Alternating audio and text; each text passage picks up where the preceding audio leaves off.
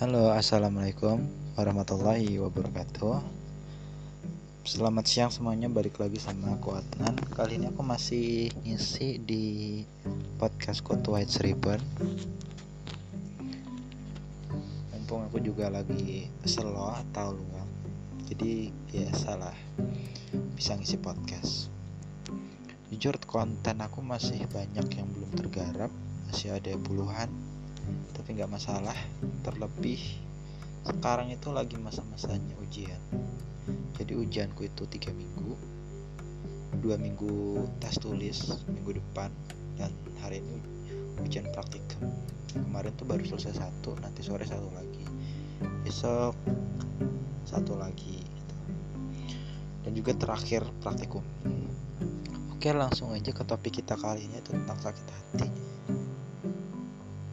Setiap orang pasti pernah ya merasa sakit hati, merasa bimbang dalam hidupnya, merasa nggak produktif, merasa bersalah sedunia, merasa paling menderita, menganggap semua orang jahat, menganggap semua bahkan Tuhan adalah pihak yang pantas untuk disalahkan terkadang ya kalau kita sakit hati rasanya tuh gimana ya? Nggak bisa dibayangin kan nggak bisa diungkapkan dalam kata-kata sebenarnya.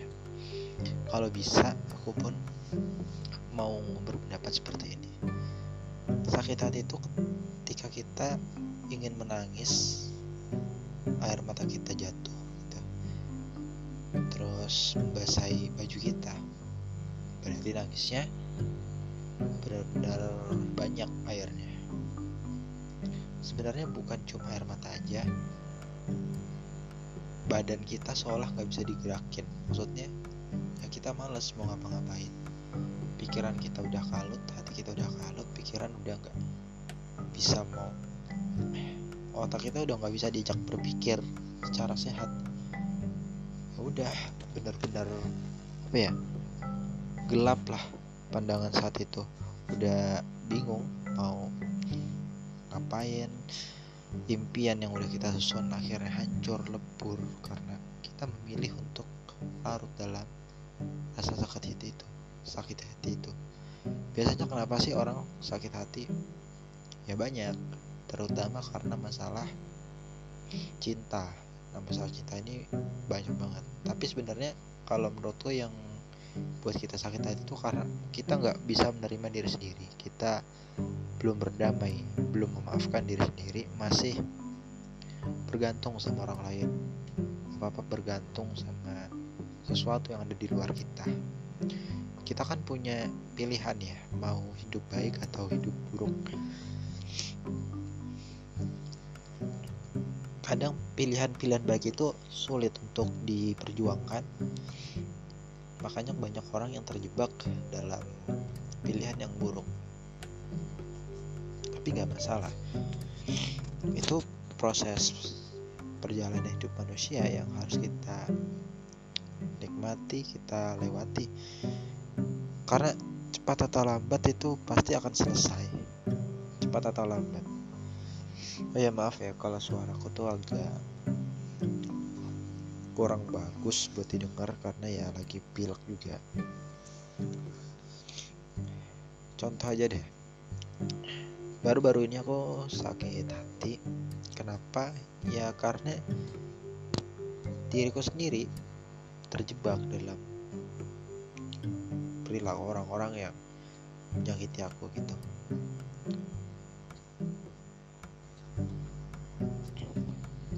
jadi kisahnya itu ada seorang perempuan yang baru aku kenal di awal bulan ini tanggal 2 kita chattingan terus dia ngajak serius. Di sisi lain aku sebenarnya belum mau serius. Tapi karena ya bisa dibilang ini ya aku belum pernah merasakan yang namanya tanda kutip pacaran gitu. Penasaran gitu. Tapi aku nggak ada rasa sama dia. Oke dah kita menjalani hubungan selama kurang lebih dua minggu. Terus apa ya aku di tengah jalan ngerasa ada yang ganjil. Eh bener ternyata dia ada cowok lain yang disenangi karena aku emang nggak serius awalnya ya udah. Rasa sakit itu sebenarnya nggak terlalu besar. Tapi karena orangnya perasa ya. Ya, ya simpati sama dia yang udah terlalu berharap lebih sama aku. Atau siapa pun itu pada akhirnya runtuh gitu. Aku pun juga uh, merasa kehilangan sebagai teman. Dia tuh udah aku anggap teman sendiri meskipun gak ada hubungan lebih ya. Ya udah contoh aku sama dia udah jarang ngechat bahkan kalau aku nggak ngechat dia nggak bakal chat aku gitu. Tapi ya udahlah. Tiap orang pasti mengalami masa-masa sulit ya ditinggalkan oleh orang yang kita sayang kita cinta entah mereka mati atau urusan cita-cita atau urusan lain yang lebih urgent. Intinya kita merasa ditinggalkan dan sakit hati mengundang perasaan yang justru merusak hati kita. Kita nggak damai kita nggak tenang hidupnya. Jadi ya mau gimana lagi? Selain masalah cinta dan penerimaan diri yang kurang tentu masih banyak lagi alasannya. Tapi untuk menyingkat waktu kita langsung ke solusi aja. Solusi dari masalah sakit hati yang pertama adalah memaafkan diri sendiri artinya menerima diri apa adanya. Tapi bukan berarti pesimistis ya.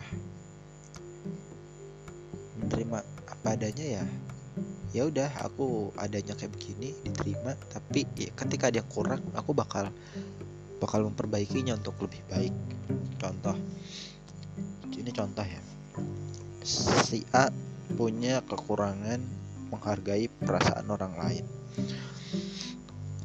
karena dia terlalu ambis dalam meraih cita-citanya. Jadi orang-orang di sekitarnya dianggap dalam tanda kutip itu budak.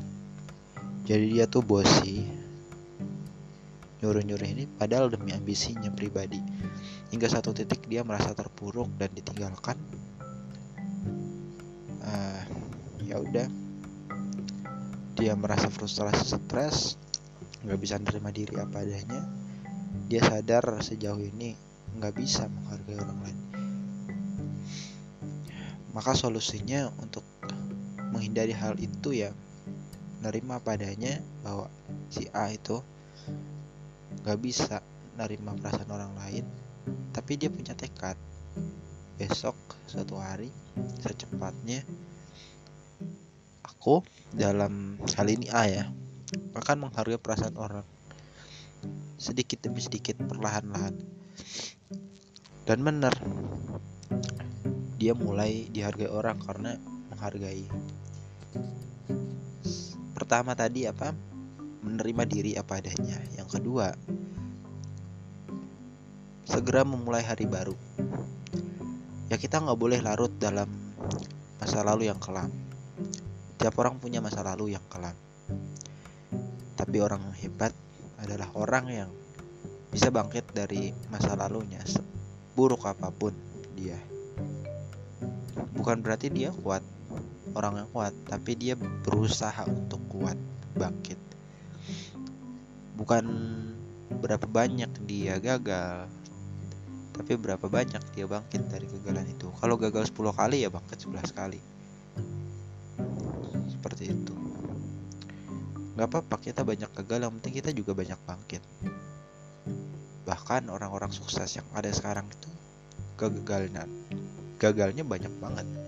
Tapi mereka nggak ya mereka sempat putus asa. Kemudian segera sadar dan bangkit. Apa yang terjadi? Itu hanya sementara dan masih bisa diubah. Bukankah esok itu adalah misteri yang bisa kita perjuangkan? Meskipun hari esok ya belum tentu baik. Bisa jadi lebih buruk. Tapi sangkanya kita udah berusaha yang buat berusaha semaksimal mungkin yang kedua tadi adalah berani memulai kalau yang pertama menerima diri sendiri oke tips yang terakhir atau yang ketiga mulai pilah-pilah orang-orang yang hadir dalam lingkaran kehidupan kita. Aku membaginya dalam dua ya, dua daerah. Yang pertama lingkaran dalam, kedua lingkaran di luar lingkaran itu, lingkaran dalam kita. Bayangin rumah. Lingkaran dalam yang aku maksud adalah dalam rumah, lingkaran luar yang aku maksud adalah di luar rumah dan tak terbatas. Orang-orang yang di dalam rumah ini adalah orang-orang yang kita cintai, kita sayangi, kita izinkan masuk untuk mengetahui privasi kita dalam tanda kutip. Dan orang-orang di luar ya cuma sebatas kenal, teman kerja, teman magang, teman kuliah dan lain-lain yang sekiranya kita nggak ada ikatan yang lebih erat gitu. Kita harus pilih-pilih jangan sampai salah memilah orang memasukkan orang ke circle pertemanan kita. Karena bisa jadi banyak orang yang toksik dengan kehidupan kita. Dan kita harus pekakan hal itu. Ketika kita merasa dirugikan dalam hal ini kita selalu jadi korban ya udah berhenti aja berteman itu buat apa diperjuangkan lagi?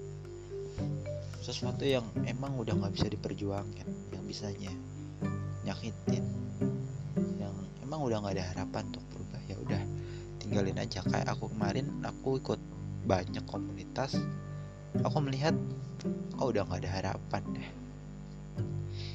Udah mati dalam tanda kutip. Udah sekarat gitu. Ya udah karena emang udah nggak bisa diperjuangin ya aku tinggalin.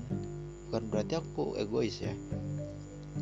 Aku memilih untuk kebaikan semua. Kalau aku bertahan di situ bisa jadi keberadaanku justru lebih merepotkan. Oke itu aja podcast yang kali ini semoga bermanfaat.